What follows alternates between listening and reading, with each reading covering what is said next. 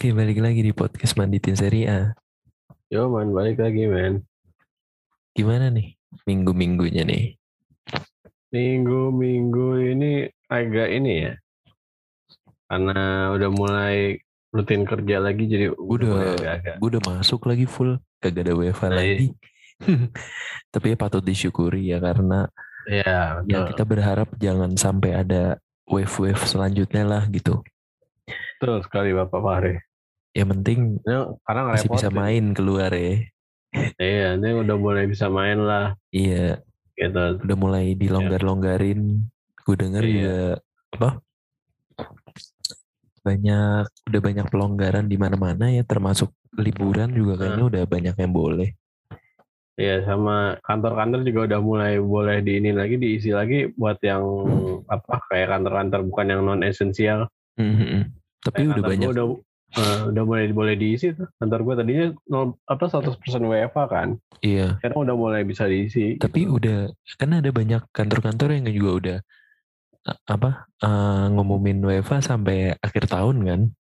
Iya, ada juga Mm-mm. gitu. Ya yang Kayak terbaik gitu. lah untuk Indonesia. Iya, betul sekali Bapak Fahri. Semoga cepet, cepet kelar lah ya. Biar bisa Iya. kembali normal. Bener-bener. Mana-mana nggak repot ya kan. Gitu. Terus ada apa nih di seri A nih? Seri A mungkin ada beberapa ini ya. Partai-partai seru lah ya. Iya. Ada beberapa partai dan ada kejutan juga. Iya kejutannya Masuk. langsung kita buka aja lah ya. Aku mau ngomongin derby dalam mulai. Iya boleh boleh boleh derby dalam mulai. Gue juga Derby dalam gue Juventus bangkit ya. Akhirnya Iya. bangkit. Nah, betul. Gue nonton cuma satu babak doang ya di pas kemarin itu. Eh di babak pertama yang gue Gue lihat, jujur aja sih udah kecapean kecapean nonton Liga Indonesia ya. Jadi gue Hmm. udah jadi kan sekarang gue kalau di hari Sabtu sama Minggu tuh full biasanya gue dari sore Liga Indonesia kadang-kadang nonton Liga Italia bentar-bentar doang gitu. Terus hari Minggunya Oh, tuh full tuh gue kayak kemarin tuh Hmm. ada ada F1 ada oh pokoknya iya, maraton lah gitu termasuk Maraton diakhiri nonton ya? sama sama Lazio bangke ntar ntar kita bahas iya, kalau iya. Torino, Torino Torino sama Juventus ini gue kagetnya karena cuma ada satu gol doang ya nggak Hmm. begitu banyak apa nggak begitu banyak eh, terjadi gol di derby kali ini Betul pak. dan uh, uh, Juventus harus diselamat eh akhirnya diselamatkan oleh golnya Locatelli yang set- di- yang akhirnya yang setelah gol ini hari Seninnya dia melamar pacarnya ya kebetulan iya, Abdul Lamar pacarnya. keren keren keren Keren, keren, keren. Apa ya di di match ini sih, gue nonton babak pertama doang kan tadi ya, gue bilang. Hmm. Yang cukup mengejutkan adalah Iya. yang mengambil alih kendali apa pertandingan justru malah Torino loh. Mhm.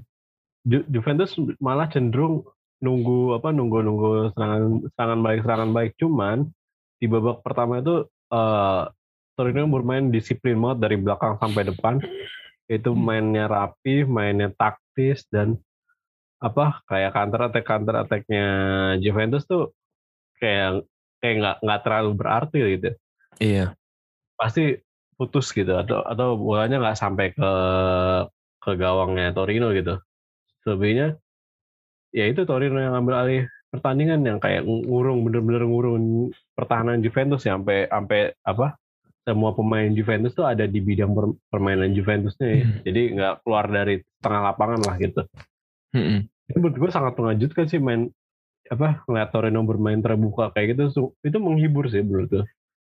tapi kalau dilihat dilihat ya eh, dari statistik counter attack-nya eh, Juventus itu tiga ada ya, tercatat di sini tiga sedangkan Torino itu cuma satu udah Mm. gitu save-nya save dari kiper sama-sama seimbang sih dua sama-sama dua gitu dan Hmm. shot on targetnya itu eh, Juventus um, melesakan tiga shot on target dan Torino itu melesakan dua shot on target. Sedangkan Ya. dua-duanya itu shot off targetnya Juventus 6 dan Torino 5. Eh, jadi ada total ada 13 tendangan da- buat Torino dan ada 10 tendangan buat Juventus. Mm. Nah, kalau statistik ini emang menjelaskan kayak di babak di babak pertama memang Torino lebih banyak nyerang, sih, lebih banyak nekan gitu. Tapi gua nggak gua nggak tahu di babak kedua kayak gimana. Eh, yang gua nonton cuma babak pertama dan itu itu matchnya benar-benar seru. Walaupun emang nggak ada gol ya di babak pertama, tapi Hmm. secara permainan agak ini nih, agak apa ya? Agak kaget sih ngeliat Iya, iya. Torino bermain cukup menurut gue cukup nekat ya untuk melawan Juventus kayak gitu. Mm-mm. Kayak gitu. Tapi terlepas dari hasil sih pertandingan yang menghibur sih menurut gue. Menghibur untuk Bagus gitu. derby lah ya. Ah, emang Di emang Mole. ah, ya sesuai namanya derby pasti seru walaupun emang nggak nggak terjadi banyak gol cuman Bener. secara permainan emang seru sih gitu. Terus lanjut ke pertandingan yang pengen gue bahas ya. Iya iya iya. Sorry, bentar, bentar. Busa mic gue copot. Oh, siap. eh bolonya Lazio sih gue cukup kecewa ya sama permainan Lazio ya. Nggak ada yang berkembang sama sekali men. Sumpah. Dan itu nobar perdana gue. Gue sebenarnya udah males banget datang nobar kan. Hmm. Terus ayo udahlah mau ketemu teman-teman gitu. Dan wah anjir. Sedih, sedih beneran dah. Kayak eh, Sari juga di press conference juga kesel gitu kan Hmm. kami adalah satu-satunya tim yang eh, main di pertandingan eh 52 jam setelah pertandingan sebelumnya main 52 apa 60 jam setelahnya main gitu katanya. Dia Hmm. mengeluhkan eh, jarak dari Nah, jarak UEFA Europa League. UEFA. setelah League. Lazio mengalahkan Lokomotif 2-0 terus harus melawat ke Renato Del Ara kandang bolonya gitu hari Minggu dan diadakannya kebetulan siang eh sore kan di sana Sore. karena sore. eh, kick off-nya itu jam eh, 3 3 sore sore berarti jam 10 di sini. Ntar jam 10 jam 11 lah. eh 3 so oh 3 sore sih pokoknya di sini mainnya kan kemarin 17.30 berarti no lebih siang lagi lebih pagi lagi Oh, kick off 17.30 di sini. Mm-mm, kemarin di sini 17.30 berarti ya lebih Berarti pagi lagi sekitar kan. sekitar jam 11-an ya. Mm-mm, Jam 11 siang. 11-an di sana. Heeh. Di sana jam 11 siang gitu. eh gue sih ngelihat apa ya kayak eh Immobile yang nggak dimainin, Vedat Muriki banyak buang peluang sumpah. Gue kesel banget Seperti, nih. seperti biasa ya. Iya, gue Seperti biasa. apa eh, dan apa tuh namanya si Immobile eh Immobile si eh Siapa ya, siapa Lotito juga udah kesal banget dan kayaknya Januari pengen mendatangkan satu striker baru gitu itu Vedat Hmm. Muriki bener-bener nggak nggak bagus. Pedro juga nggak Pedro dan Felipe Anderson gue rasa kecapean juga. Luis Hmm, Alberto Luis Alberto Lucas Leiva Sergei nggak bisa berbuat banyak. Ditambah lagi Acerbi yang lagi-lagi nggak bisa kontrol emosi gitu. Padahal Hmm, nggak penting pelanggarannya itu nggak penting gitu. Hmm, hmm. terus Pepe Reina blunder di gol ke ketiga sih keselin banget sih kayak Hmm. aduh parah banget lagi nih. Itu kayaknya sih apa ya Januari gua rasa bakal bakal ada perombakan selanjutnya ya. Setelah Ya, gua nggak tahu sih sih. eh, Pepe Reina kan habis bulan Januari Pepe Reina sama eh Strakosa ya. Gua nggak tahu apakah mereka akan diperpanjang atau gimana. Gua gua rasa sih dari kedua itu pasti ada yang diperpanjang satu entah Strakosa pasti bakal sih. dilepas atau Pepe Reina dilepas Strakosa diperpanjang gitu. Tapi Iya. kalau yang bisa gue lihat sih malah gue justru mau eh, muji permainannya bolonya sih. Aaron Hickey golnya Aaron yang Hickey, kedua iya. terus habis itu Musa Barrow sama Arthur TAT nih ditambah lagi Marco Anatovic itu gila sih kemarin mainnya lawan Lazio main di kandang Hmm. sendiri mereka juga main satu dua satu dua satu duanya bagus gitu gue malah Hmm. malah apa ya gue malah kemarin ngeliatin permainan Bolonya sih gue kecewa aja sama permainan Lazio tapi Iya iya. nggak tahu ya gue eh saat ini masih belum percaya sama dengan absennya Aserbi apa Aserbi kena merah nih otomatis kan Hmm. Eh bakal diisi kalau nggak sama Favro sama Radu Iya. kan Sama Radu. iya fix banget Radu sih yang main gitu Tapi yang kalau gue lihat kayaknya selama di bawah Sari nih ya, Mm-mm. kayak permainan Luis Alberto tuh agak menurun gak sih? Iya. Kalau menurut gue ngeliatnya agak menurun dibanding musim lalu loh. karena dia nggak dapet free roll Nah iya karena ditempatinnya beda kan. Mm-mm. justru yang Kayak- free roll si ini eh Felipe Anderson menurut gue musim ini Iya Felipe Anderson, nah betul. eh eng- enggak deh Felipe, Pedro Pedro Felipe Anderson tuh kayak lebih sering apa sih? Kayak jemput ke belakang gitu. Mm-mm. Dia maksudnya du- antara dua itulah dua sayap itulah. benar-benar iya iya Yang biasanya biasanya Luis Alberto kan yang akan jadi apa motor serangan gitu.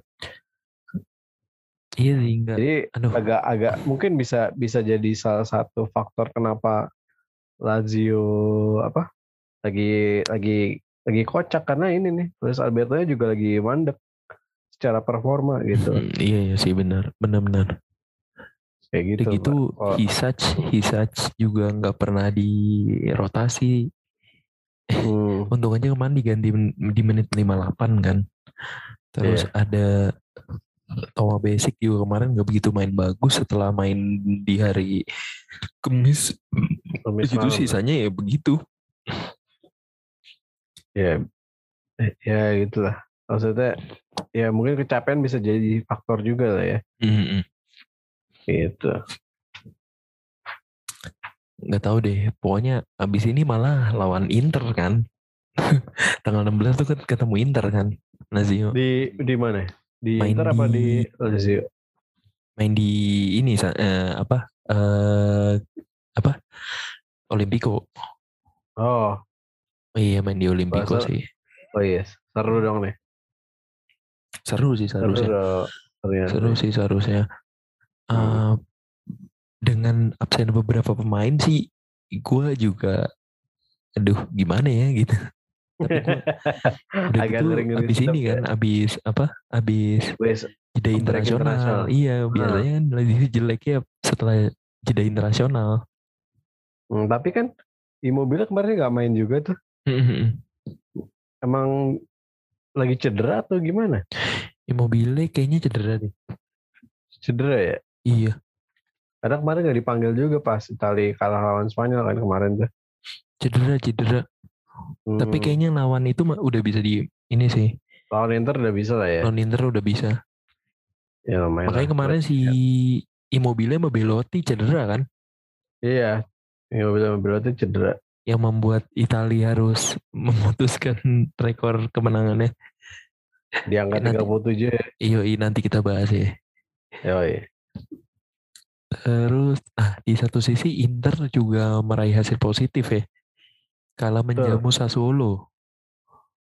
Kalah, salah dong. Kalah di Jamu Sassuolo. Iya itu. Emang gue tadi bilangnya apa? Kalah menjamu. Kalah di jamu. Oh iya iya kalah, Kalah- di kalah jamu di jamu. Sassuolo. Iya. Si Inzaghi lagi-lagi protes. Dapat kartu kuning. Hmm, biasa. Seperti biasa. Iya. Apa ya? eh Inter nih di bawah asuhan dari Inzaghi lumayan mainnya lumayan oke juga sih. Dan Iya. masih bisa Betul.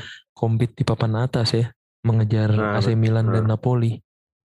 Iya dan secara mengejutkan si apa Inzaghi tahu bener cara cara pakai si siapa Edin Dzeko nih karena Hmm, nggak nggak kelihatan ada penurunan yang berarti gitu Iya sih. dari pas dia di Roma malah kayaknya lebih lebih lebih gacor di Inter sih gitu menurut gue ya mungkin emang perannya pas aja pas di tanganin sama Inzaghi ya.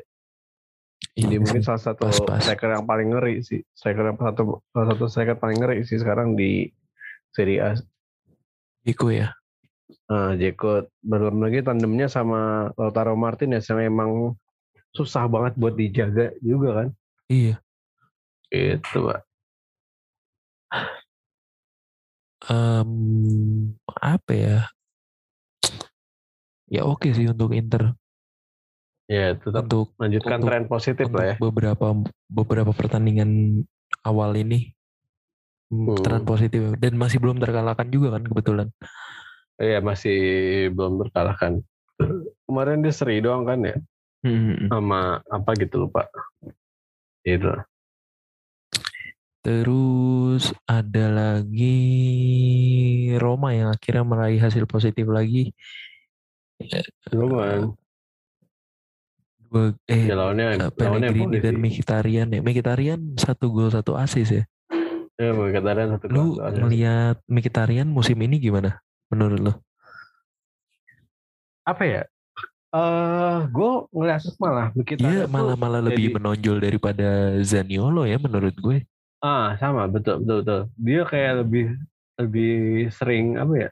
Lebih sering tersorot lah dari segi Mhm. pergerakan tanpa bola, dari segi apa? eh, dia buat peluang gitu sampai ya puncaknya pas dia men- eh, mencetak gol sih. Mm-mm. kayak lebih apa ya lebih stand out di bawah Mourinho sih. Iya, benar-benar. Mungkin uh, ada pernah ada apa kayak formasi yang lebih menguntungkan Mkhitaryan bermain gitu karena emang ada di posisi terbaiknya kan di sayap kiri. Biasanya kan Mkhitaryan tuh ada di di kanan, eh di kanan di tengah. Iya. Cuman sekarang uh, posisinya udah dirubah si Lorenzo Pellegrini yang tadinya dia apa gelandang tengah dia jadi gelandang serang terus Daniolo juga dibikin melebar ke kanan Iya iya iya benar. mungkin ada yang ada penyesuaian formasi baru dari Mourinho tapi ini berdampak baik buat si Mkhitaryan sih jadi dia bisa mengeluarkan performa terbaiknya gitu. Kalau untuk performa backnya gimana? Kayaknya Matias Vina, Semaling sama Ibanez ganti-gantian aja nih mainnya nih. Eh, iya mainnya gitu-gitu aja Smalling Ina eh, ya rotasinya di situ aja tapi kayaknya Mhm. pas Dortmund ini udah nggak tergantikan ya Iya Karsdorp. Karsdorp pas Dortmund memang, bagus sih praktis udah main terus ya. iya udah susah Si untuk Kumbula, sama Kumbula malah, Bruno malah Perez. jadi jarang main nih sekarang Kumbula. Iya, Kumbula jadi jarang main. Mungkin emang bukan tipenya Mourinho mungkin atau gimana. Sama setelah keda- kedatangan Temi Abraham, Borja Mayoral juga nggak dapet tempat. Hmm, karena ya mungkin lebih percaya sama Temi Abraham. Iya sih. Pak Mourinho ini. Gitu, Pak. Terus ada lagi laga besar juga nih Fiorentina lawan Napoli yang dimenangkan oleh Napoli. Pertandingannya Hmm. lumayan cukup seru sih. Ada Hmm. satu penalti juga yang di eh yang yang gagal dari insinya yang, Yang akhirnya gagal dari iya ada akhirnya di eh, ambil bola ribonnya sama Hirving Lozano. Ah, betul. Habis itu dari Rahmani juga akhirnya golin. Per Rahmani ya. Iya. Sering banget dia golin dari sundulan. I, sama ya, yang kayak kita bilang sebelumnya ya Zambo Anguissa juga tidak tergantikan nih sebenarnya. Oh iya, Samuel Luis emang tidak tergantikan. Iya. Udah di, di batu karang udah di di di Napoli. Dia dari Fulham kan ya? Kenapa? Iya dari Fulham. Pinjaman kok juga dari Fulham. Iya, heeh. Masih pinjaman. Iya. Di Fulham sih. gua nggak tahu sih gimana dia mainnya. Nggak pernah nonton. Si bagus kok bagus bagus mainnya. Oh gitu. Iya bagus mainnya. Lumayan sentral juga ya. Hmm. Setelah ke eh sebelumnya dia Ya. posisinya di isi siapa sih? Bakayoko. Oh iya Tio tuh Tio Memehe Bakayoko. Tapi dia Imui. masang masang ininya dua loh.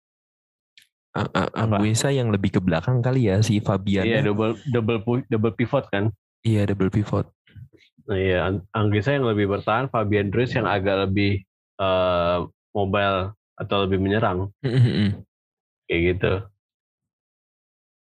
Sisanya sih eh, empat kok empat depannya sih ya udah udah oke lah ya.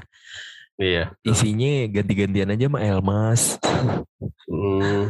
Ya, Eh, enggak Zeli Zeliesinski ya justru ya yang yang yang ganti-gantian Zielinski sama sama Elmas ya. Heeh. Kalau Insinya, insinya juga tergantikan di kiri. Holozano ganti-gantian sama si Politano eh, Politano, betul. Paling ganti-gantian sama Dries Mertens doang itu insinya. Tapi kemarin masuk untuk gantiin Dries Mertens. Oh gitu. Fabian, Fabian Ruiz. Oh iya. Iya Fabian Ruiz. Ya mungkin. Tapi secara posisi eh, iya sih. Mertens tuh biasanya ada di posisi insinya atau enggak di Osimen sih. Mm-mm. Gitu, gitu Mbak. Habis itu anak asuh dari Igor Tudor kembali meraih hasil positif ya. Wah, lumayan nih. Non Spezia, Spezia Spezia. kena bantai nih. Iya. Nah, Sementara ini bantai. Verona eh, berada di urutan ke-12 dengan 8 poin ya. Betul. Memperbaiki eh, peringkat Mm. mantap juga sih sebenarnya. Ya, Em, Giovanni Simeone juga mulai ini ya. mulai gacor Mulai, ya. mulai gacor. ah. Dari pertandingan kemarin kayak golin mulu. Mhm. Udah Kayak gitu. beberapa pertandingan terakhir dia golin ya. Mhm, betul. Ada ada Gianluca Caprari juga yang Iya, iya, golin. iya. Ada Daniel Besa sama Faraoni. Spezia Nah. emang kayaknya udah selepas ditinggal Dari pelatihnya iya udah itu lah ya. selepas di, sepela- selepas ditinggal aneh lah ya. sama Italiano, Italiano. ya aneh banget mainnya. udah aneh banget. Ya udah nggak udah nggak berbentuk Udah nggak gitu. menghibur kayak dulu lagi ya. Heeh. Udah nggak nggak kelihatan pola yang jelasnya gimana gitu. Mhm. Mungkin Thiago Mota nih kudu kursus ini kepelatihan lagi deh sebelum ngambil job nih. Diego Mota sebelumnya sempat di Genoa juga kan? Bikin di Genoa yang bikin formasi 272. Oh Tiga betul. Iya, 272. Terus gitu. kita recap aja ya selanjutnya ada Cagliari Venezia satu-satu Salernitana yang akhirnya meraih kemenangan perdana di Serie A mantap. setelah 19 berapa gitu terakhir gua nggak tahu dan kemenangannya itu di kandang sendiri melawan Genoa juga Genoa selamat buat Salernitana Yoi, tiga poin pertama. tiga poin perdana juga akhirnya dia dapat dapat tiga poin perdana juga ya Hmm. Terus ada Sampdoria Udinese kembali bermain seri. Ini golnya Chandreva keren banget coy. Asli lu kudu lihat. Betul, Itu betul. dari Oh, pada luar kotak penalti kalau lu belum pada lihat nih. Hmm. Itu wah anjir sih. Chandreva keren-keren sih. Walaupun udah tahu tapi masih bisa bikin gol kayak gitu ya. dia. Iya iya iya. Gokil. Dan satu kali kontrol doang habis itu langsung lepasin shot. tendangan Hmm. langsung di pojok kiri atas gawang Mantap. dari Udinese Indonesia. Aduh, luar biasa nih. Ini juga pertandingannya seru sih, saling balas-balasan gol. Si ini justru malah ketinggalan dulu dua gol kan di aw- di awal. Oh iya. Eh, enggak. Ding. Si Ket- Ketinggalan 2-1, tinggal satu, dua satu, dua satu di 2-1 di Abdul menit-menit di- awal. Habis itu Mahera Quagliarella nyamain kedudukan. Gitu pak. gitu sih. Di pertandingan terakhir ada Atalanta lawan AC Milan. Silahkan Bapak Versta. Gue sih kagak nonton ya. Gue kagak nonton justru? Gue keti gue ketiduran. Ya lumayan ya gue udah udah pasang mulai. gue udah gue udah gue udah pasang alarm tapi masih ketiduran. Ya udah mulai agak agak inilah. Agak Iya. mikir-mikir buat nonton yang jam setengah Bener dua bener gitu. bener. Udah mulai mikir. Hmm.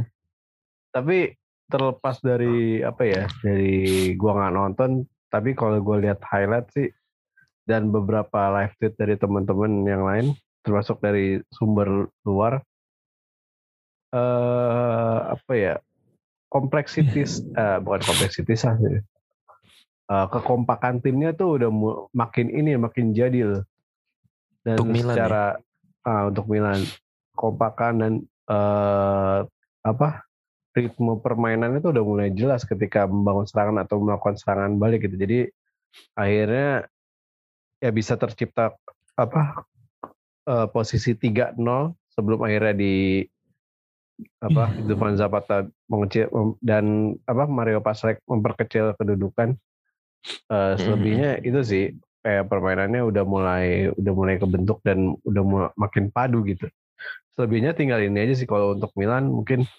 uh, konsentrasi di hmm. menit-menit akhir karena udah beberapa pertandingan sering kejebolan di menit-menit akhir gitu hmm. kayak gitu untuk Atalanta ya mungkin ya Milan emang lagi main bagus aja kali karena bisa bisa golinnya di menit-menit akhir doang dan itu satunya satunya dari penalti kayak gitu singkatnya benar-benar kalau gue sih eh, kemenangan bagus sih untuk Milan untuk mencapai uh, papan atas lagi untuk menjaga asa menjuarai Serie A meskipun Betul. masih panjang ya sebenarnya sangat panjang masih sangat, sangat panjang, panjang. Um, kalau dua-duanya sama-sama abis main di champion yeah. pasti lelah banget dan pasti. apa ya untuk tim-tim yang gue masih salut sih untuk Atalanta, AC Milan masih memperlihatkan permainan bagus gak kayak Lazio. kan beda satu hari mainnya. Iya sih. Lumayan lah satu sih. hari. Lumayan iya sih sebenarnya lumayan satu satu hari lumayan waktu recovery yang lumayan yeah. oke okay juga seharusnya ya dimanfaatkan gitu cuma yeah. um, ya pokoknya uh, masih minggu depan masih libur ya kebetulan ya minggu depan masih libur iya, main ya, lagi tuh tanggal 16 iya baru main 16. lagi tanggal 16 kebetulan hmm, langsung dibuka sama partai Inter salah satu laganya uh, Inter Lazio, Inter Lazio ya. ya iya iya iya Inter Lazio satu, satu salah satu pertandingan pembukanya gitu pak Mm-mm. Udah sih palingan gitu aja. Nah. Sama selepas laga kemarin kekalahan uh, Italia atas Spanyol ya. Sebenarnya hmm. ada satu yang mau gue sorotin sih. Yaitu Apa tuh, Pak? penampilan dari kiper Donnarumma yang banyak dapat kecaman juga dari fans AC Milan gitu karena dia kan uh, kembali ke San Siro un, uh, untuk uh, pertama kalinya setelah kepindahannya ke PSG gitu. Hmm. Selanjutnya bakal kita bahas di segmen kedua. Yuk, eh.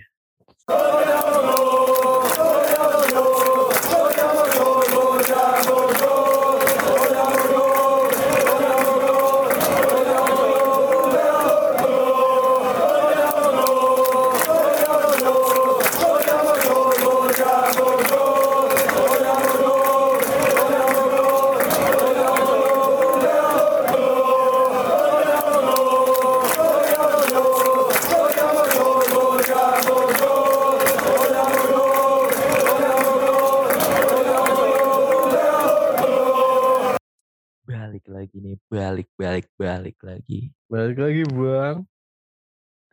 Tadi gue udah sempat mention di akhir babak, eh akhir babak, akhir oh, segmen babak. pertama bahwa eh semalam ini kebetulan Italia harus mengakui keunggulan Spanyol uh, di uh, final UEFA Nation League ya, kebetulan ya? Apa semifinal ya? semifinal. Oh iya semifinal gitu ya. Semifinal UEFA Nation League. Dan uh, Itali memutus rekor kemenangan 36 kemenangan tanpa kekalahan. 37 pak. Oh iya 37 dan hmm. harus berhenti rekornya di 37 rekor Mancini gitu. Dan itu jadi yang paling banyak untuk ini ya tim nasional dunia maksudnya. Iya iya iya. Nah, karena yang sebelumnya itu 36 dipegang sama Spanyol sama Brazil kalau nggak salah Mm-hmm. Nah, itu jadi megang yang terbaru dengan 37 pertandingan gitu. Iya.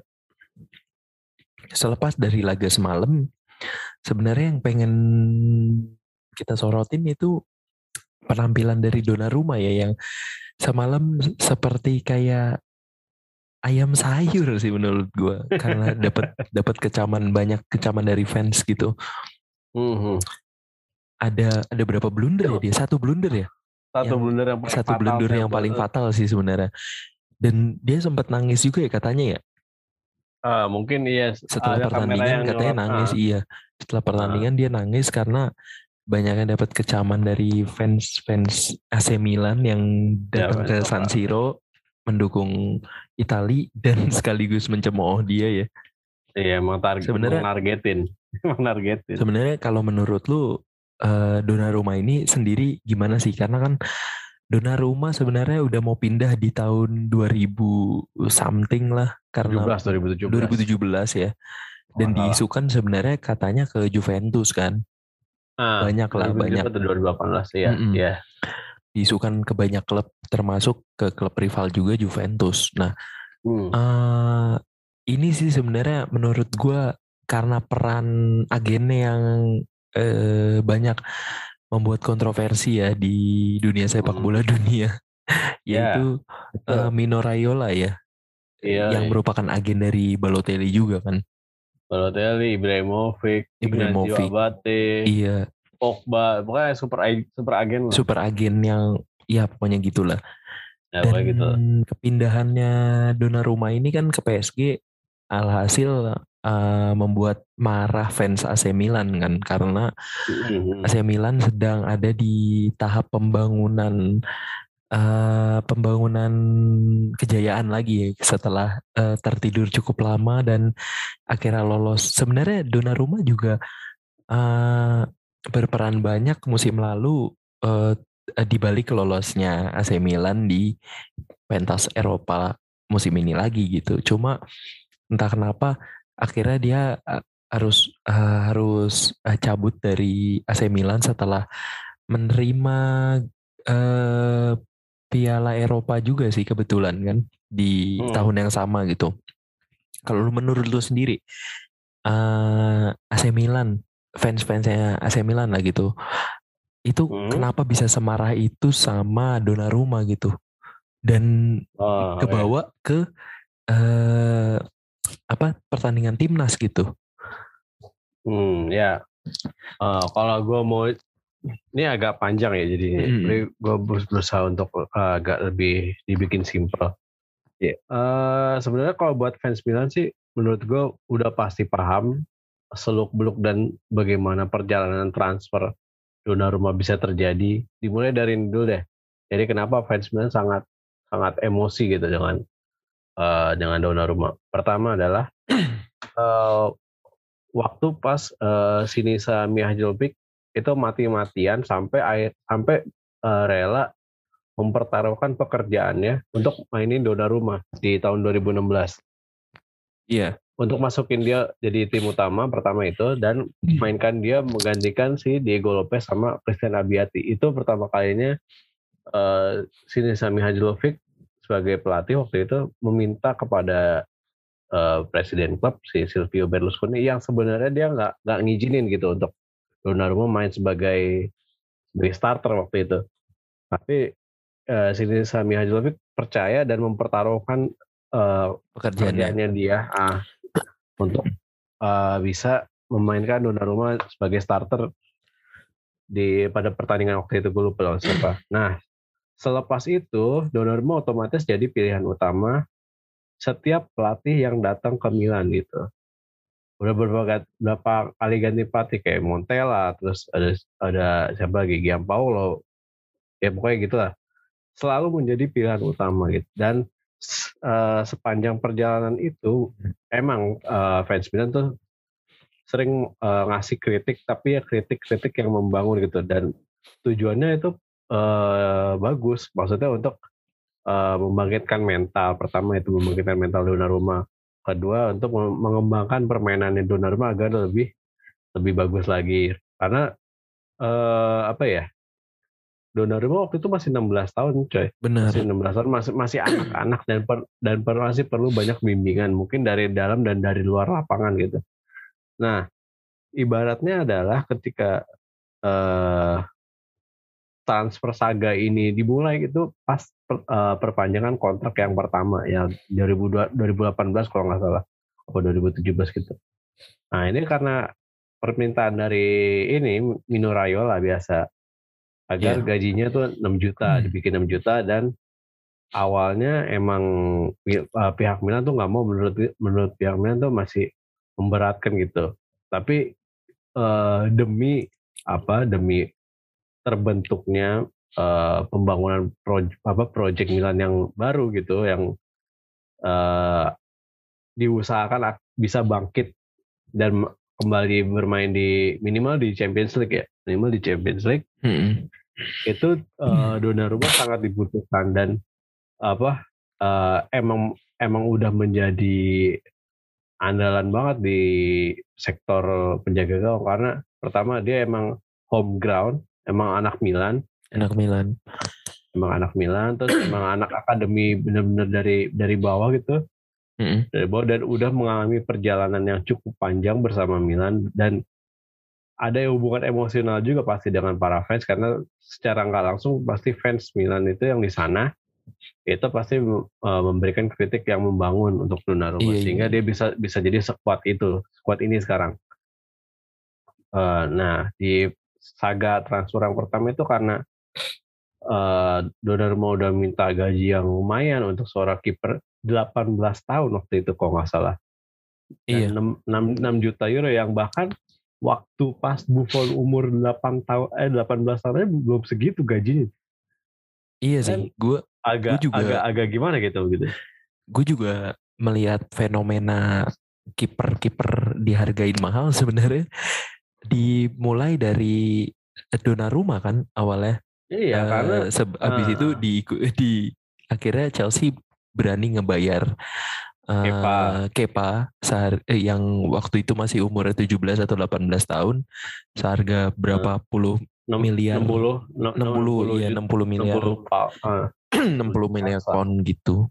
Dan Nah iya. eh apa? Dan anehnya sebenarnya eh, Donnarumma kala itu juga eh, penampilannya juga belum stabil-stabil banget kan. Dan masih muda Iya, gitu. ah, betul betul. Belum terlalu ya mungkin belum sekelas sama Buffon lah, cuman progres ke depannya emang emang bagus banget. Jadi yang di concernnya waktu itu pihak Milan adalah ini anak di pasti eh, bukan pasti sih dilibat sangat dilibatkan untuk project Milan yang yang bagus ke depannya gitu. Mm-mm. Makanya waktu itu uh, dengan segala tuntutan permintaan Donnarumma termasuk uh, untuk ngerekrut abangnya si Antonio Donnarumma itu akhirnya diturutin sama pihak Milan walaupun emang Iya, waktu itu sempat ada isu inilah isu dolar rumah kalau kalau masih ingat Iya iya iya iya. Yang Ya, dia ketika dilemparin duit juga kan Lemparin kalau nggak duit, salah. ah, ah, pas lagi pertandingan apa gitu mungkin Itali. Itali Itali Mm-mm. kalau nggak salah lagi jaga gawang gitu Nah, Kalau yang waktu lemparin. yang waktu lawan eh yang waktu dia isu-isunya minta yang dolar rumah pertama itu dia kan kena bentangan fans juga kan dari kurva Sud Iya. juga kan. Iya dari kurva Sud juga. Rata-rata soalnya yang apa ya? Yang ekstrim itu kan sebenarnya kurva Sud ya karena ada Mm-mm. ada perbedaan antara fans biasa yang cuman emang eh lu nonton gitu, lu nonton demi demi, demi kesenangan gitu. Ada juga yang lu nonton karena itu sua- sebuah keharusan. Lu harus Oh, keharusan nonton di dan itu. bagi mereka eh a- agamanya ya Iya, sepak bola ada- dan agamanya sepak dia bola, harus agamanya adalah AC Milan, gitu. iya klubnya Agam- gitu, AC Milan atau ada. Lazio, ada Juventus dan lain-lainnya gitu.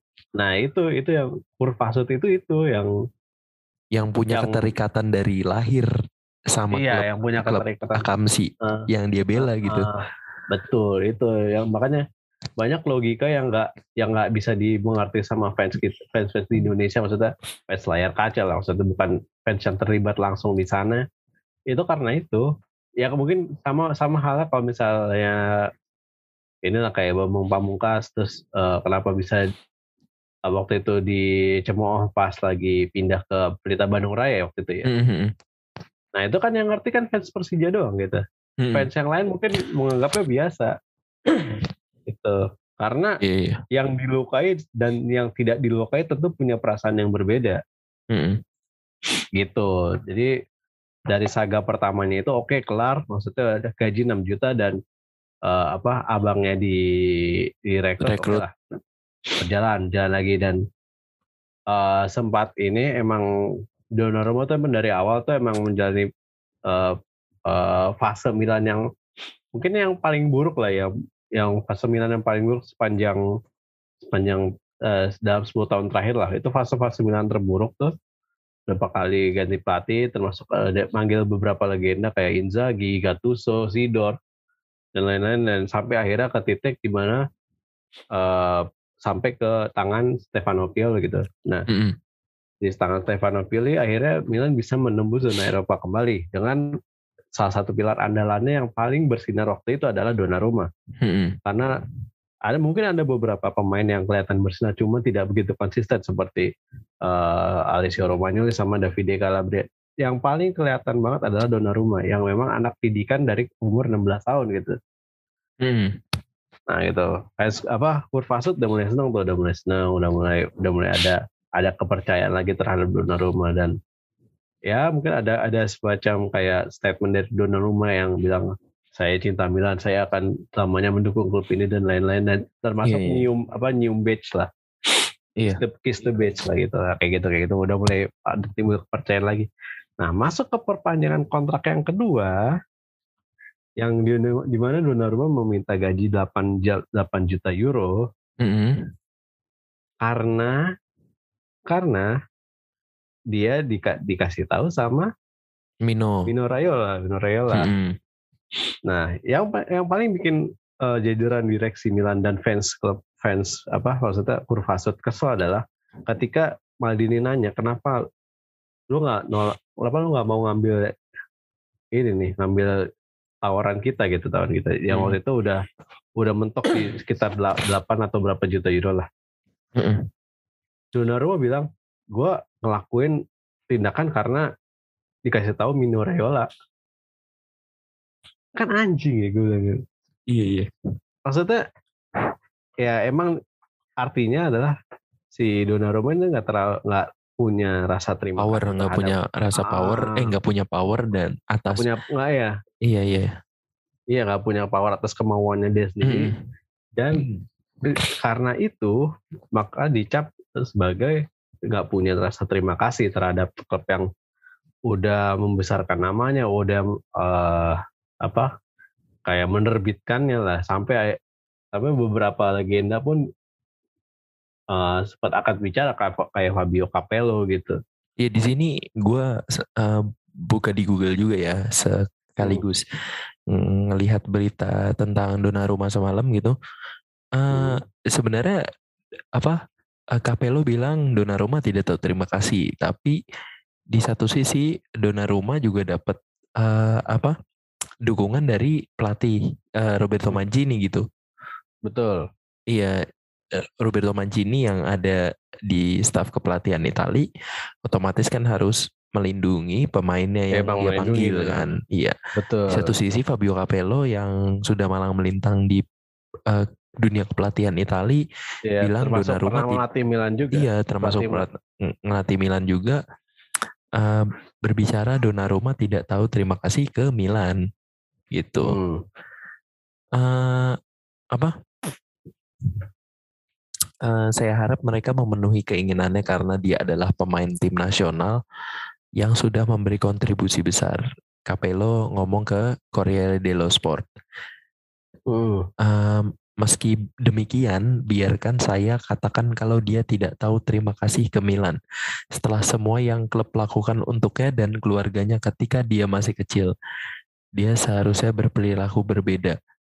Uh, kalau gimana ya, gue nanggepinnya sih uh, susah juga ya kak, karena pemain pemain-pemain yang muda ini uh, susah ya sekarang untuk uh, mengatakan bahwa loyal loyalitas loyalitas terhadap tim yang dia bela sejak kecil gitu. Karena uh. gen, eh, si Donnarumma juga bukan kelahiran Milan kan dia eh, kelahiran Stabia malah justru kota yeah. kecil di uh, dekat uh, Napoli justru dia kan tapi hmm, tapi dari keluarganya ke, dari, dari kecil tinggal di Milan iya keluarga dari kecil tinggal di Milan dan uh, mencari nafkah di Milan termasuk hmm. dia yang udah direkrut dari umur belia gitu di Akademi Milan kan gitu. Uh.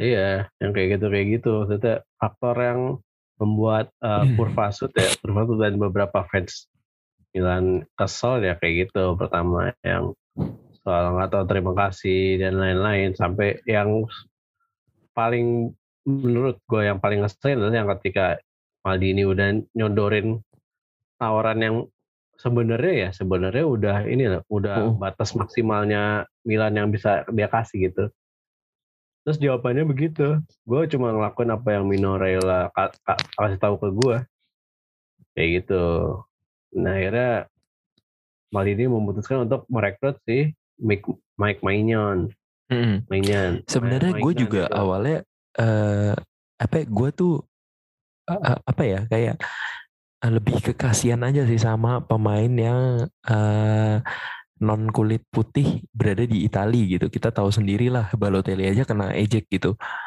Dan hmm. akhirnya kejadian kan si Mike Nan kena ejek sama fans lain gitu. Uh, hmm. Dan untung aja dia mainnya bagus gitu. Jadi dia pu langsung punya tempat di hati fans Milan gitu. Sebenarnya hmm uh, apa uh, lumayan ini juga sih, lumayan gambling juga gitu si AC Milan datengin Mainan karena uh, Mainan juga sebenarnya Mainan bagus dan dia teruji di apa Lille. di Lille juga kan musim lalu membawa hmm. juara Lille uh, mengalahkan PSG juga. Yeah. Tapi gue lumayan gue kasihan sih kalau misalnya ada pemain eh apa ada pemain non kulit putih gitu datang ke daratan Italia untuk mengadu nasib mungkin mengadu mentalnya juga di sana kan karena Italia juga lumayan keras terhadap uh, rasisme dan lain-lain gitu lumayan oh. belum ada masalah titik terangnya tentang uh, kasus rasis dan lain-lain gitu ya yeah. dan ternyata mainan tampil bagus dan membuat uh, fans Milan cepat melupakan Donnarumma walaupun meskipun yeah. kesel juga ya. Meskipun yeah. kesel juga gitu. Betul betul betul. Ya, itu gue setuju sih.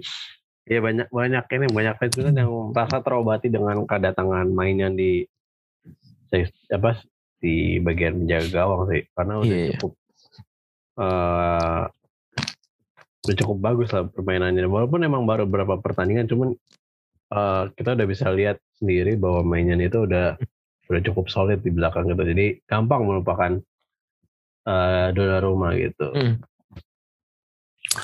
kayak gitu um, apa ya gue gue sih uh,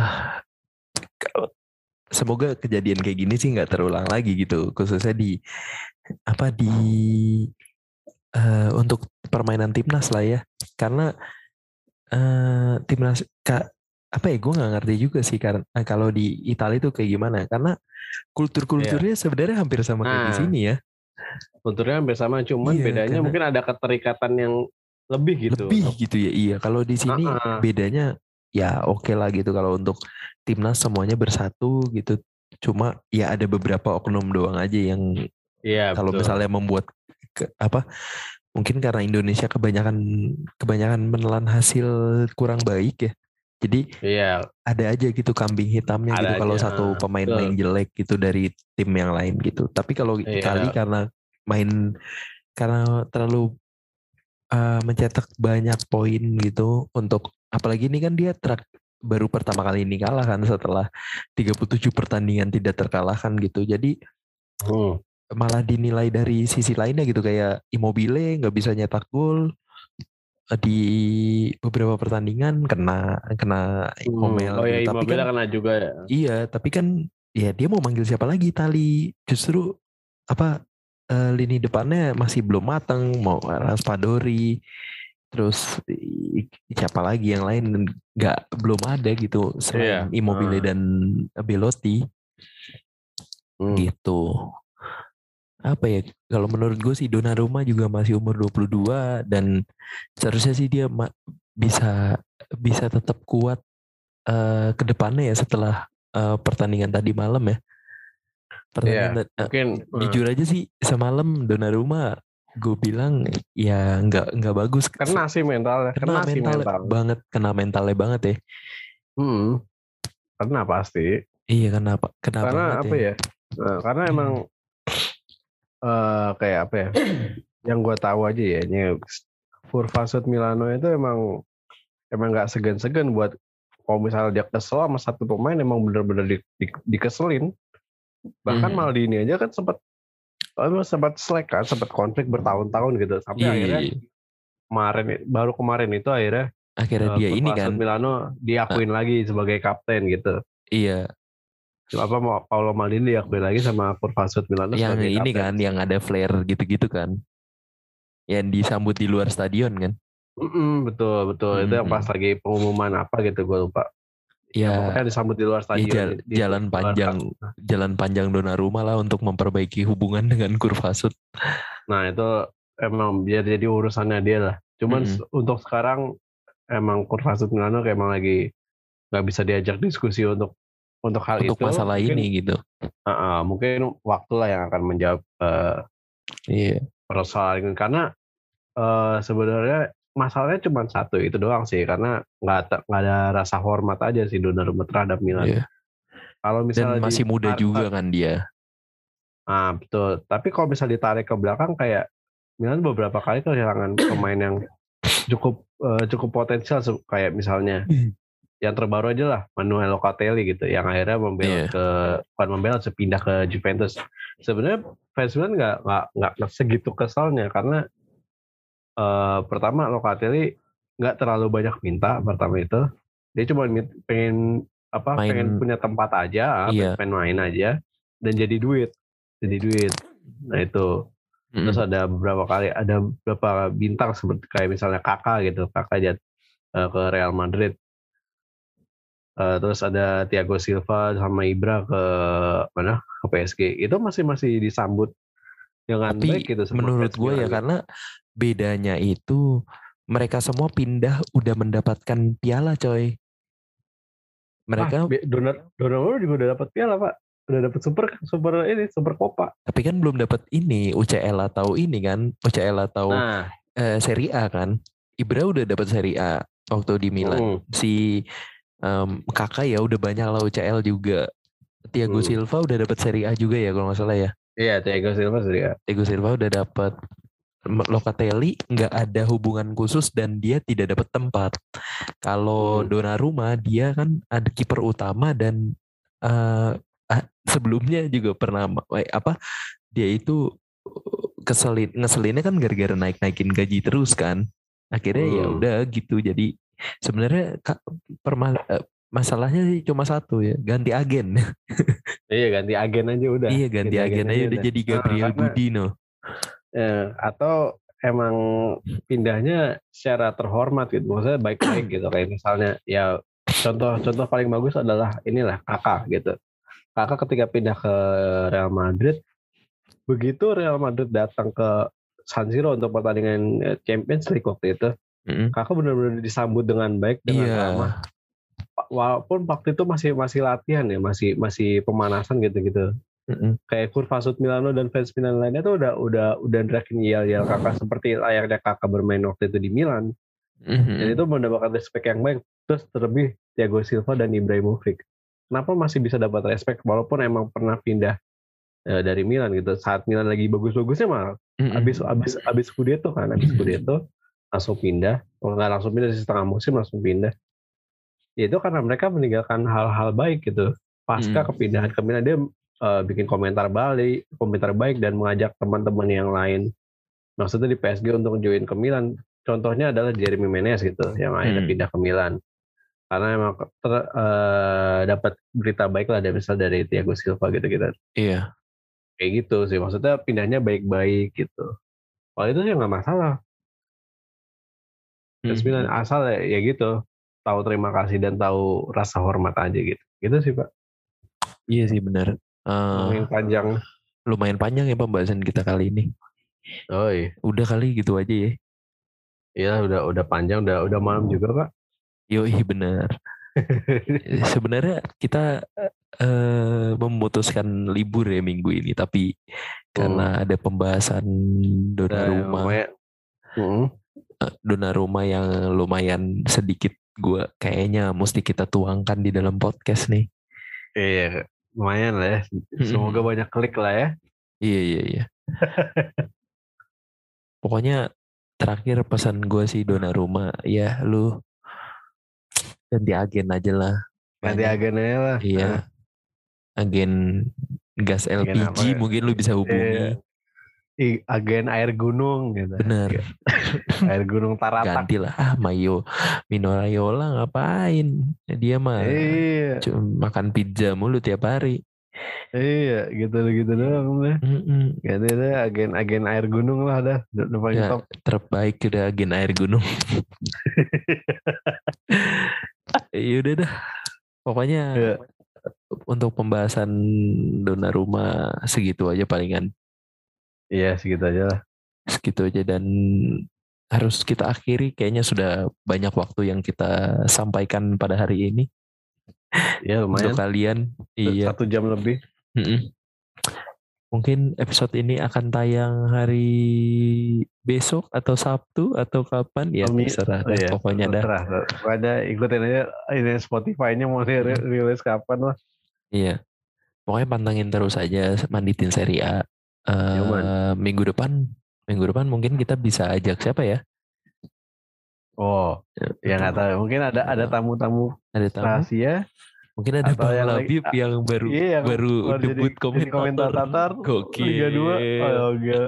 Apa Persek Persek Tegal ya? Pokoknya Tegal sama Perseka Tegal ya. Kemarin Perseka dia dapat sama dapat banyak cemoohan karena salah mm, ngomongnya benteng benteng mulu bukannya banteng seharusnya Perseka Tegal kan banteng ya nggak apa-apa Gitu, tapi gue apa-apa, cukup cukup pemanasan. bangga ya cukup bangga cukup dengan bangga, cukup bangga. dengan penampilan Bang Labib itu Bang banyak betul, memberikan iya. insight-insight menarik kemarin di sepanjang Iya. laga Rans Cilegon buat orang Iya, iya, lumayan Ngelotok juga ilmunya tentang Liga Indonesia. sepak ya. bola Indonesia deh. Sepak Bener-bener. bola Indonesia lagi. Yaudah. Mungkin gitu aja yang bisa kita sampaikan untuk kalian. Tetap pantengin terus manditin Serie A. Yoi, Em, eh, gua Fahri cabut. gue cabut. Bye. Bye, bye, bye.